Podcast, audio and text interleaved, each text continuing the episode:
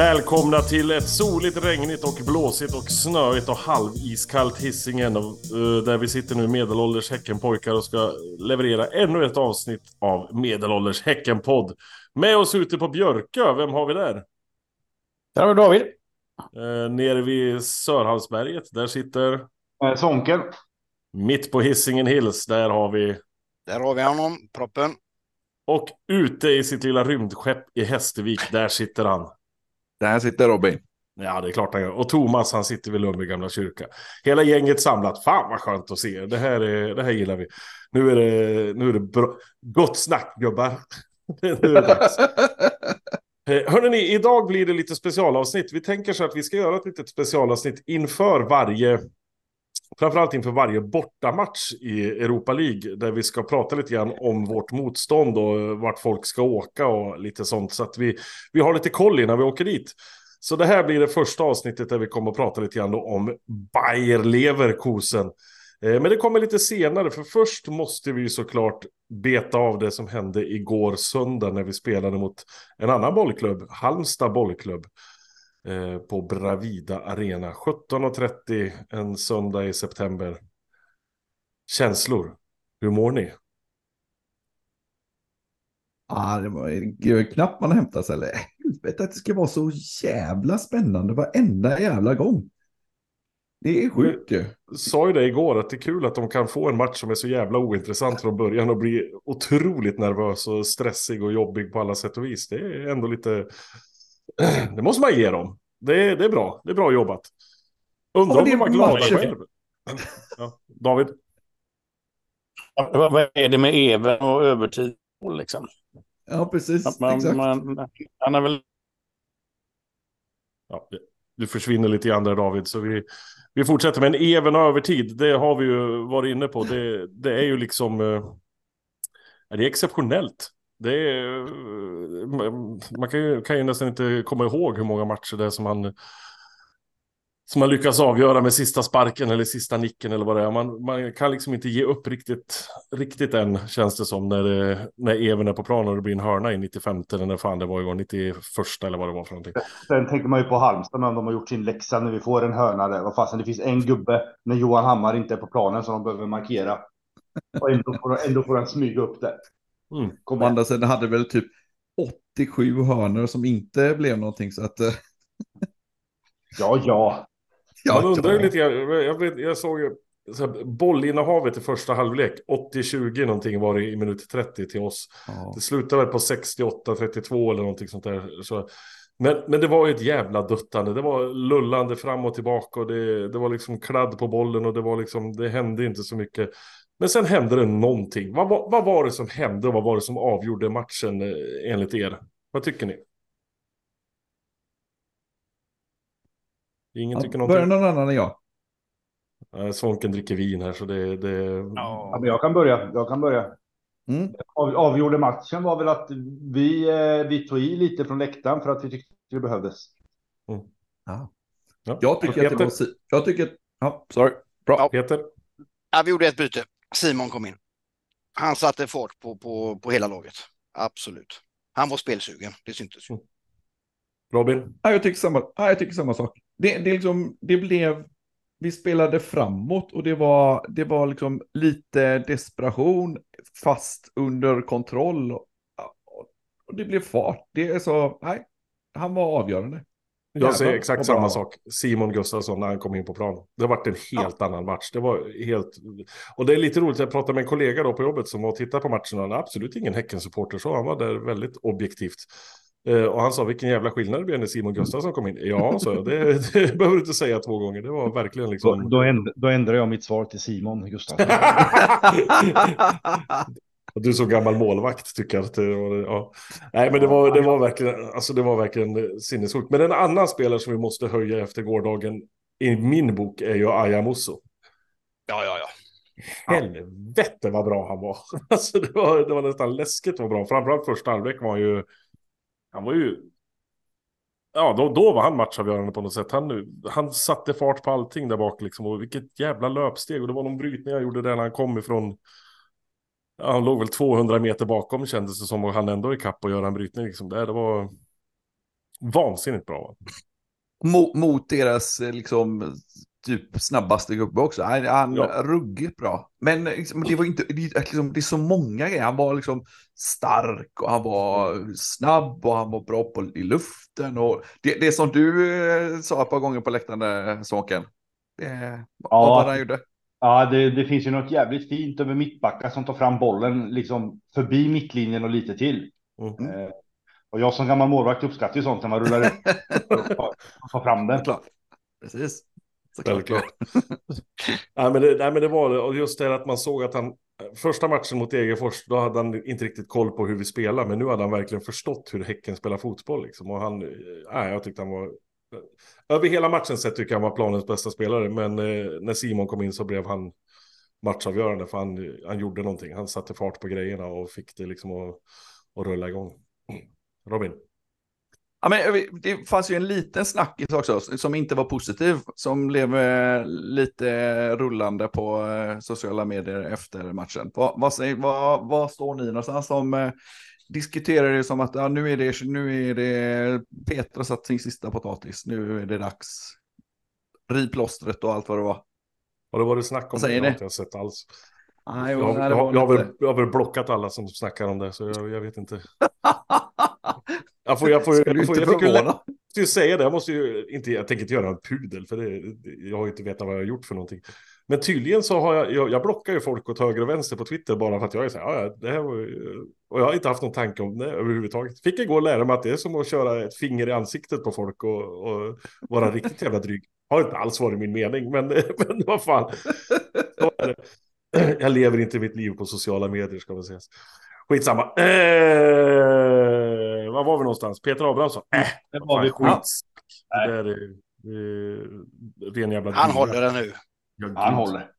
Inga konstigheter. Ma- Det, det, det, det är klart man kan säga att, att, att han borde ha tagit uh, målen, men Nej, han gör, han gör en jävla räddning på första, första målet där och sen så det andra vet jag fan vad det är för någonting. Men du som Ja, har men det- någon gammal det- målvakt här som kanske Ja. har något att säga. ja, alltså gre- grejen är, är att det är, alltså när de kommer i den där vinkeln och du inte har hunnit komma ut och skära vinkeln, då, då är det jävligt svårt att hinna ner. Du hinner liksom inte ner till marken när du är 190 centimeter. När du är liksom inte har hunnit ut eh, på ett bra sätt. För du ska ju liksom hinna, helst ska du hinna ut hela vägen fram där. Men det, det Vilket mål liksom- pratar du om nu? Är det... Ja, det är väl nästan både, de, både nästan det andra de gör framför allt då. Det första ska han ju tippa över ribban. Han ska ju liksom, Ja. ett, liksom styra, styra ut den. Den ska ju liksom inte få gå rakt upp i luften och det är väl, ja, ja, det är väl, men det är inte så jävla enkelt det heller när det kommer ett hårt skott. Men, Men i och med att han lyssnar på denna så kommer han göra så nästa gång. Ja, ja, ja. ja, jag, har, jag har redan mejlat honom. Men, men den, det andra målet, man såg ju inte riktigt, men var det inte så att den tog på, vet du det, eh, Valgeir och, och... Jag har försökt titta på det där och ser att jag ser inte att det tar på någon överhuvudtaget. Men däremot en sak som jag reagerar på är att det är ett jävligt löst skott. Alltså det är knappt styrfart på bollen. Och grejen är ju faktiskt den att som spelare och som målvakt och som allt, du är van att reagera på vissa saker. Du, du vet att när det kommer ett skott, ja, men då kommer det vara hårt och då kommer jag slänga mig ditåt. Men så fort någonting blir fel, Alltså som i det här fallet, det, det ser ut som att han sparkar i backen nästan Halmstad-spelaren så att han får liksom knappt styrfart på bollen och den rullar. Då blir det fel för målvakten också. Jag kommer så här, en helt annan grej, hockey. Eh, Sverige-Finland, många herrans år sedan, i Hartwall Arena när Per-Johan Axelsson gör 6-5 efter 5-1 underläge och vänder där. Alltså det skottet han skjuter kommer ju knappt fram till mål och ändå går in och det är en VM-match liksom. Jag tror, jag, det här är bara egna teorier och filosofier, men just det att man, man reagerar fel på någonting som blir fel. Om ni förstår vad jag jag, menar. jag, ja, jag kan ju tycka att, att Rygårds 1-0 mål är ju en större tavla. Den borde däremot målvakten ha. Nu har han ju förmodligen lite skymd så att han kanske inte ser hela, hela sekvensen framför sig. Men den, den är ju en större, inom citationstecken, tavla än vad Peters i sådana fall, båda de två är. Och eh, Momos mål i Marco Johanssons eget kryss, liksom, det, det ska han väl kunna ta. Han står ju upp. Så jag tycker det, ja. Nej, att Peter i slut, det är bara skitsnack. Det är dynga. Då har man inte sett matchen mot Aberdeen i sådana fall. Då, då vet man inte vad man pratar om. Och inga nej. matcher heller antagligen. Nej, nej, precis. Har vi något mer att prata om Halmstad-matchen eller kan vi släppa den? Nej, äh, då släpper vi den där.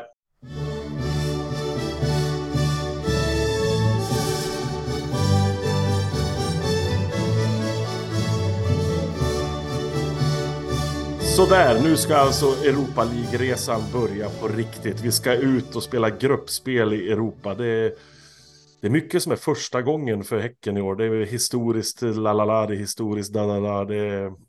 Jag har ju sagt det, att tar vi oss till ett gruppspel i Europa så är jag skitnöjd. Då är den här säsongen liksom klar för mig. Nu tar vi oss dessutom till Europa League-gruppspel. Inte bara Conference League, utan Europa League. Det gör att den här säsongen är klar med, med, med ett plus i kanten redan nu känns det som. Eh, bara så sto stora tankar nu så här, innan vi börjar eh, prata om Leverkusen. Vad känner ni inför Europa League-spelet som händer nu? Vad, eller som ska börja nu? Vad, vad, vad har ni för förhoppningar och förväntningar? Vad tänker ni? För mig är det fan bara bonus. Alltså gärna att vi, alltså kan vi undvika sista platsen så hade det varit fantastiskt att få ytterligare eh, gamea lite till. Men alltså det här är bonus nu ju. Det är fan vad, det ska bara bli skitkul. Mm. Har alla koll på det, hur det funkar där? För det är ju så att de, de två första i gruppen går ju vidare till slutspel i Europa League. Eh, och nej, ettan går vidare till slutspel. Tvåan får kvala mot någon ifrån Champions League om att gå till slutspel i Europa League. Men trean i gruppen går ju då neråt istället och får alltså kvala mot en tvåa i Conference League om att spela slutspel i Conference League. Oj, ja, det, det är alltså så. Nej, men det, det, är ju alltså så att om vi blir trea så blir det alltså en match till minst. Då, alltså en playoff-match om att få gå in i slutspelsträdet liksom i Conference League. Så det kan ju bli liksom, alltså som du säger, blir vi trea så, så, så blir det mer matcher. Och den chansen finns ju. Absolut.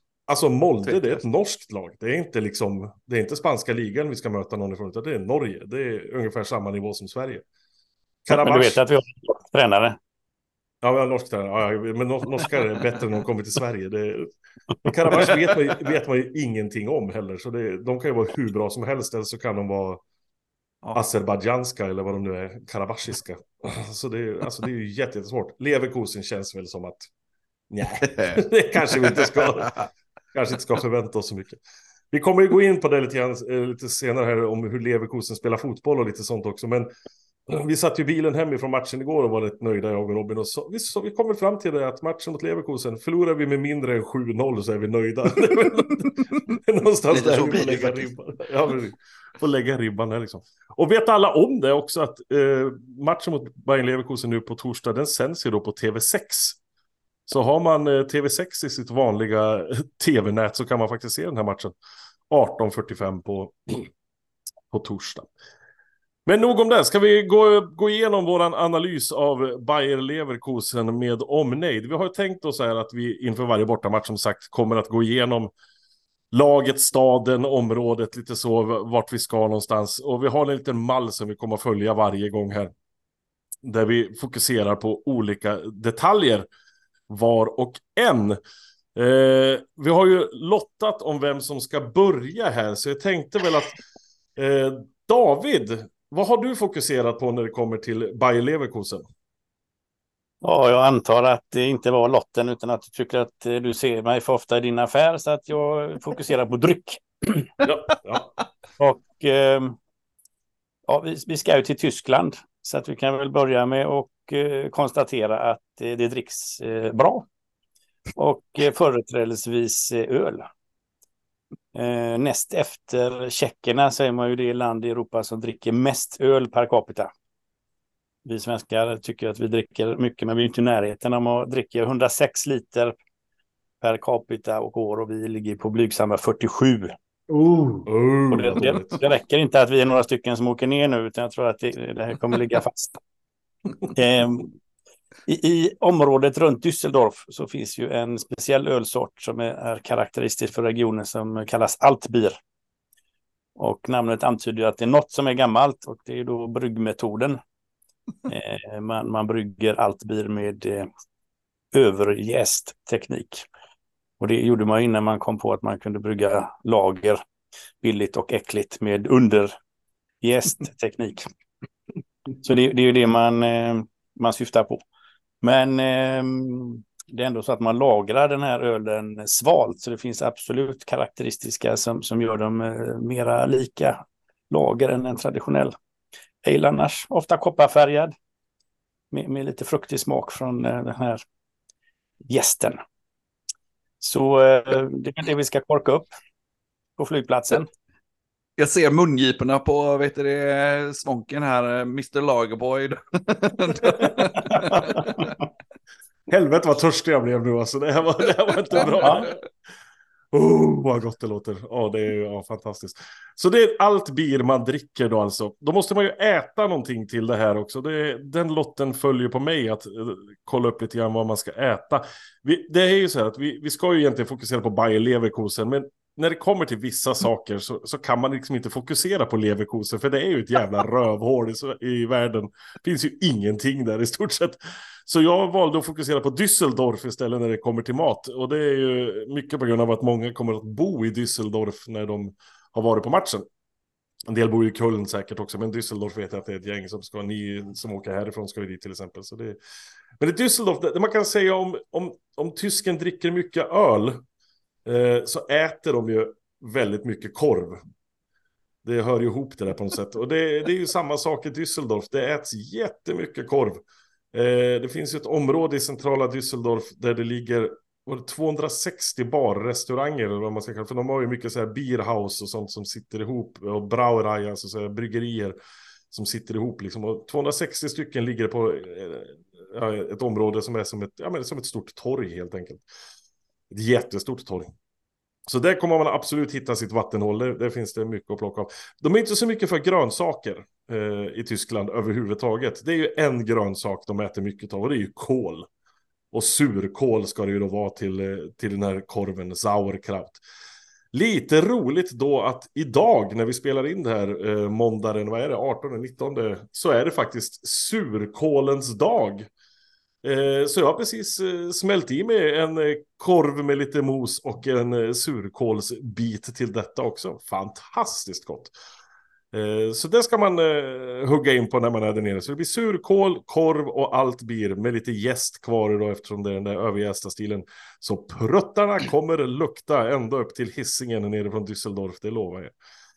Eh, nu har vi druckit, nu har vi ätit. Då vill man ju slå sig ner i soffan och lyssna på lite musik. Vad har vi för musik som kommer ifrån Düsseldorf eller Leverkusen eller Köln? Svånken. Eh, ja, nej, det kan man ju såklart eh, fråga sig. Jag har lite svajig uppkoppling märker jag här. Jag hoppas att det håller i, annars så får, det väl, eh, får man väl bita ihop med att det glappar lite. Eh, Alltså det finns ju någonting under 70-talet från den här delen av världen som, som kommer att förändra och inspirera en hel musikvärld. Eh, och det är väl det man lyssnar på framför allt därifrån och det är en så kallad krautrock. Krautrock är ju en, en genre eh, som är lite svårgreppbar. Det är någon form av alltså psykadelisk eh, psykedelisk industriell proggaktigt. Det kom ju musiken i en, alltså efter andra världskriget och efter att tyskarna ville liksom skaka av sig allt som har varit där och det blev politiskt väldigt mycket vänster så att det kom liksom en, en, eh, en våg av den så kallade krautrocken då. Och det finns ju då ett par band som kommer som är väldigt hårt förknippade med krautrocken. Eh, eh, framför allt då de eh, stora giganterna i kraftverk som är såklart de mest kända därifrån. Eh, själv är jag inget stort fan av eh, Kraftwerk. Eh, så att jag har inte lyssnat så mycket på dem. Men de har ett par hits såklart. 1974 kom en av deras största hits ut som heter Autobahn. Det är väl typ en 10 minuter lång eh, syntslinga som går med någon form av stön i bakgrunden. Eh, de har även kommit med låtarna Radioaktivitet, Trans-Europa Express, Das Modell och framförallt deras stora hit Dimension Machine. Och även då Tour de France som är en stor och stor hit. Eh, själv har jag alltid lutat mer åt eh, det punkhållet då. Så lämnar man krautrocken och går över till punken då så finns ju ett band där som jag inte visste att de kom från Düsseldorf men kände igen väl som är då Die Totenhosen som är väl fin, tysk, väldigt trallvänlig punk. Eh, I den här genren så ligger också Die Krups, som också då kommer från Düsseldorf. Så överlag rätt svårtuggad musik. Men det finns ju såklart lättuggad musik också som kommer från det här området. Och där har vi bland annat Nena med hennes fantastiska Nine och Nights luftballongs som man kan lyssna på. Och man kan även lyssna på valfri låt utav Alphaville som också kommer från trakterna. Så ja, blandad kompott. Men eh, Frågan är sen, kommer det komma en spellista här, tänker ni nu? Och det, kommer ju, det, kommer, det kommer ju såklart komma som, heter, kommer, som kommer heta Svångrautrock. Okej, det, den får du bygga ihop. Det gillar vi. Mycket kan och noj och sådana här härliga band också. Det, det gillar vi. Usch. Ja. Ja, ja. Men nu har vi suttit där, vi har druckit öl, vi har ätit korv, vi har lyssnat på eh, kraftverk och då vill vi ut och titta på lite sevärdheter. Vad finns det för sevärdheter i Leverkosen egentligen, eh, Peter? Oj, oj, oj. Du nämnde detta eh, Leverkusen för ett rövhål. Oj, oj. Lyssna bara nu får du höra. Jag börjar med Bay Arena. Det är hemmaarenan för Bayer 04 Leverkusen. Eh, den är ursprungligen känd som Ulrich Haberland Stadion, men det vet ni också då va? Och det är klubbens eh, grundare. Den tar 3210 åskådare och är från 23 4 1956. Den, är, den renoverades vid eh, fyra tillfällen, 1958, 1990, 1997 och även 2009. Men även det, det har ni ju koll på. Som tvåa på denna underbara lista har vi Schloss Morsbreutsch. Detta slott nämns första gången 1328. Det revs 1774 och ersattes av dagens eh, palats i barockstil. Det var även huvudsäte för den Teutoniska orden eh, mellan 1619 och 1774. Eh, Den Teutoniska orden bildades i Acre i Jerusalem 1190. Men det har inte med Leverkusen att göra, så det skiter vi. Som trea på listan har vi Sankt Remigus kyrka. Och eh, när man valde Sankt Remigus av Rems som församlingens beskyddare så indikerade man att församlingen grundades någonstans eh, mellan 600 och 1000-talet. Denna kyrka i Opladen, eh, den var ägd för första gången, visas ett dokument från Sankt Gerion Abbey från 1223. Kyrkan hade en golvyta på endast 7 gånger 11 meter. Kan ni tänka er? Men den har också ett ganska massivt romanskt kyrktorn. Under de följande århundradena utgjorde denna centrum för Uppladens församling som till en början bara bestod av ett antal utspridda gårdar. Va? En egen kyrka. Helt otroligt. Ja, om detta skulle jag kunna tala om hur länge som helst, eh, men för er som vill veta mer om denna spännande byggnad kan jag tipsa er att gå in på www.leverkosen.de kultur så kan ni läsa lite till. Som man längtar. Och som det sista så har vi Det Ja, vi har den sista, alltså. nä, nästan den finaste. Då har vi Bayerkorset, eller som det heter på tyska, det är Bayerkreuz. Och det är Bayer AGs logotyp. Och det är mycket välkänd rund ljusreklam i Leverkusen. Det är världens största ljusreklamskylt. Dagens skylt började användas 1958 och lyssna nu, den har en diameter på 51 meter. Ja, jag hoppas att detta inspirerar er att åka till denna kulturmetropol som även har en massa sevärdheter. Jävla medicinstad liksom. Det är så jävla skit. Du, jag måste bara fråga en sak där Peter. Eh, Hur många åskådare sa du att Bay Arena tog? Jag såg att den eh, enligt en, eh, någon uppdatering 30 210. Okej, Ja, för du, du du, sa sa 3000 3000. Jag tänkte, Sa jag det? Ja. Ja, jag, jag vill inte bryta in heller. Så. Är det Rudalen vi ska till? Jag har en voucher så jag är säker ändå. ja, precis. Ja. Ja, det låter ju fantastiskt. Man är ju sugen på att se det där ljuskorset alltså. Det är... Vad är det de gör i Bayern? Det är så här Omeprazol och sånt där skit va? Det är... De gör en jävla massa olika. Ja men det är inte de som ligger bakom Losec eller någonting sånt. Jag, jag tror att de är eh, typ... Ja, Inte Losec Astra. var Astra. Ja, Det är Astra, ja. Det är så det. svenskt. Men, men det är ju no, det är någon sån där... Men det är ju någon sån där medicin som alla käkar som, eh, som kommer från Bayern. Jag kan inte komma på vilken det är. Viagra. Är det. Sauerkraut. Sauerkraut, ja. Ja. Men nu har vi i alla fall, vi har druckit öl, vi har ätit mat, vi har lyssnat på musik och vi har tittat på kultur. Vi har tittat på kultur. Det ska spelas lite fotboll också. Det är inte så jävla kul, men eh, vi måste ju prata lite grann om Bayer Leverkusen också. Och då lämnar vi såklart med varm hand över till vårt fotbollsorakel, Robin Kalander. Ta oss till Bayer Leverkusen. Robin. Ja, ja, vad fan. Eh, eh, de heter ju alltså Bayer 04 Leverkusen. Och det är bara där så tycker man illa om dem. För det betyder att de eh, grundades 1904 och det är ju ett tråkigt årtal eh, för alla göteborgare. Eh, men det är som, eh, jag, jag, var på, eh, på Rambergsvallen eh, och kollade på matchträningen. Och då pratade vi om matchen. Och då redan där då så, så, så vet du det, eh, så dök det upp eh, förvirringen mellan Bayer Leverkusen och Bayern München. Och det är då alltså som vi redan har varit inne på, Bayer är företaget och Bayern är eh, stadsdelen, eller vad heter det? Landsdelen, Området, landskapet. Området, ja. ja. ja. Eh, men det, de har alltså två eh, använda smeknamn. Eh, dels, eh, jag har ju då inte som alla andra här verkar eh, eh läst tyska, utan jag läste franska, så ni får ursäkta. Eh, Pillendreher, som betyder typ pillertrillarna. Eh, det är ju rätt gulligt. Eh, men det mest använda som de själv vill eh, vet det, kalla sig är Die Werkschelf, eh, typ fabriksarbetarna. För man vill spela an på sin, eh, och ta stolthet i sin eh, industriella bakgrund. Vilket ju man som hissingsbo när man börjar jobba på bandet vid typ, eh, eller varvet vid eh, åtta års ålder kan tycka är lite mjukt med någon springer runt i, i vit rock och munskydd och sockerplast på fötterna och flyttar piller mellan burkar. Men, men, de är tyska. Eh, som sagt, arenan var vi inne på då. Den eh, har ni redan eh, hört om hur stor den var. Det är lite coolt att vi ska dit. Eh, det finns en intressant koppling som eh, en Häckenkoppling till, eh, till Bayern, Bayer Leverkusen. Är det någon som kan den? Vi, vi har haft en spelare som spelat med oss som har spelat i Bayer Leverkusen. Kan ni den? Är det Lucic? Ja, just det. Ja, Bremmen hade varit något. ja, men, och med tanke på att Teddy Luci spelade där i två år och gjorde fyra matcher från start så kan man ju tänka sig hur mycket Hemmen hade fått lira.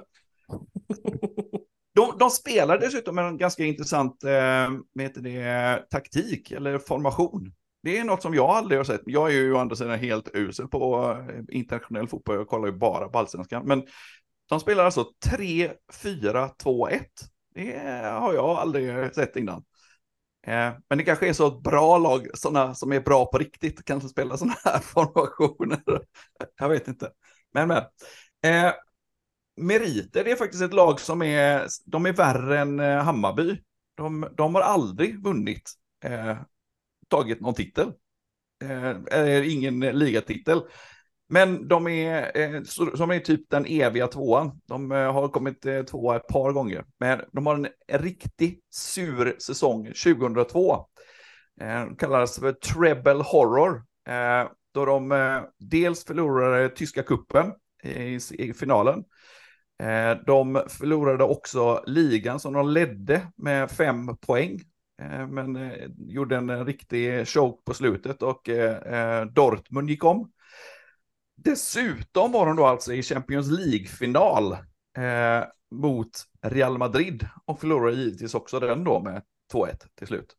Och då fick de, eh, vet du det, smeknamnet i, eh, åtminstone i, eh, eh i engelska tidningar, eh, Bayer Neverkusen. Det tyckte jag var lite charmigt. Men bara för att poängtera hur stor skillnad det är på BK Häcken och Bayer Leverkusen så en intressant sak om eh, hur eh, värderingen är. Eh, värderingen enligt Transfermarkt är alltså 4,5 miljarder kronor i deras spelartrupp. Att jämföra med våran på 260. De har bland annat gjort lite spelarförvärv, bland annat eh, våra, en känd från allsvenskan, den Odilon, eh, han från Hammarby, köpte de från Brygge för 230 miljoner. Eh, de eh, köpte en annan som nu leder deras interna skytteliga, eh, Victor Boniface, för 200 miljoner från eh, Union Saint-Gilloise. De sålde eh, en snubbe som heter Kai Havertz, som jag inte vet vem det är, men sålde de till eh, Chelsea för 2021 för 800 miljoner kronor.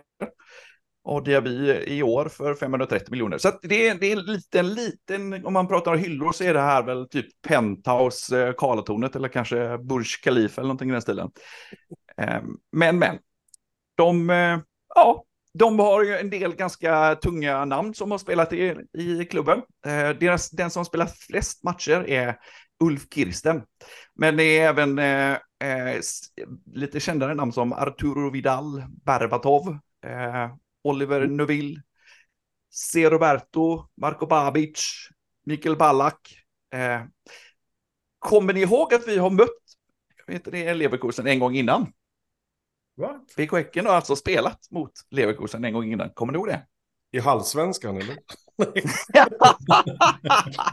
det var faktiskt eh, 2001. Jag, jag kommer ihåg att vi hade spelat, men jag kom inte ihåg årtalet, så jag fick eh, fråga Uffe Holsten som eh, faktiskt eh, gav mig en bra info, men också pekade vidare till Tobbe Hysén som jag också varit i kontakt med. Det var nämligen så att eh, han gjorde mål i, i den här matchen.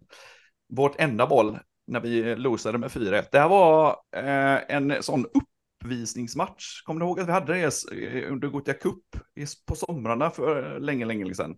Så jag var på Ullevi eh, och vi mötte då alltså gänget och Kim Källström till exempel eh, hade en duell med Mikael Ballack på mitten. Och eh, Jag har fan in... för mig att jag var där. Ja, jag Nu när du det. säger det, jag, nu när du säger det, så det det här såg jag nog fan, det hade jag helt glömt bort. Ja, ja, ja.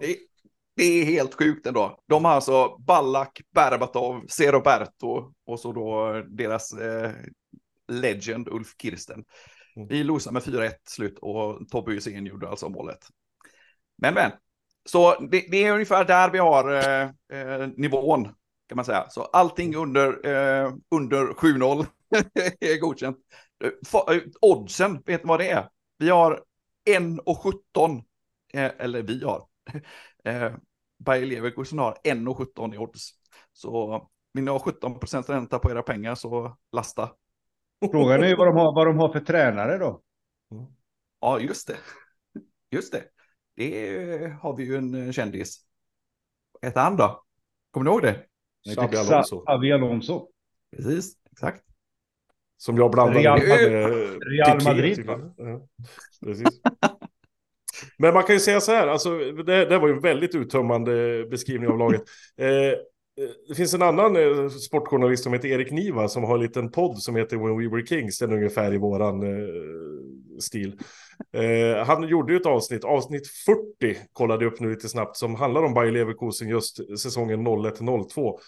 Eh, det är tre timmar och 20 minuter eller någonting när han pratar om när Bayer Leverkusen förlorar allting. Det är faktiskt otroligt roligt att lyssna på. Det är, det är, alltså det är ju det, skadeglädje är ju den enda sanna glädjen. Och det här var innan jag visste att vi skulle spela mot dem som jag hörde det. Men det är Hinner, vansinnigt hinner, avsnitt. vi, hinner, vi, hinner vi slänga upp en bra banderoll med någonting, eh, Remember 2001 eller någonting? Hallå, har de jävlarna. Ja, nej, men det var en, ja, Grabbarna får lösa det här. Ja, precis. Men en, en fantastisk genomgång. Men nu har vi ju stenkoll allihopa här. Nu är det ju liksom, vi vet vad vi ska dricka, vi vet vad vi ska käka, vi vet vad vi ska lyssna på, vi vet vad vi ska titta på efter matchen. Nu ska vi gå till Der Kreuzerfelter eller vad det heter för någonting. Och vi vet ju framförallt hur vi ska låsa upp deras 3-4-2-1. Sa du att det var så? Mhm. Ja, precis. Jag var tvungen att kolla upp det nu också när vi satt och pratade. Eh, företaget Bayer, då, vad, vad de är kända för, för medicin. Det är ju två mediciner som de är kända för. Eh, som de har tagit fram. Det är ju aspirin. Och heroin. Jag inte, det, det, mm, kanske inte alla har använt det, men det, det, det, det, var- det var det. det, var det. Eh, hörde ni, eh, ni som åker ner till eh, Leverkusen, ha en fantastisk resa. Hur det än är så är det skitkul. Och som sagt, det här är en bonus. Fan, se till att ha lite roligt där nere och ställ till lite bröd på eh, läktarna så man får vara stolt här hemma. Ni som inte tar till Leverkusen, matchen går som sagt på TV6 18.45 på torsdag. Eh, och sen så eh, är det seriematch på söndag igen. Vilka spelar vi mot då? Ingen aning. Jag vet inte. Kalmar Det borta. är Kama, det är Kama borta. Kama. Åh fy fan vad tråkigt. oh. Hörni, tack för att med. ni... Ja, precis. Ja, det tycker jag Elfsborg med. Ja, precis.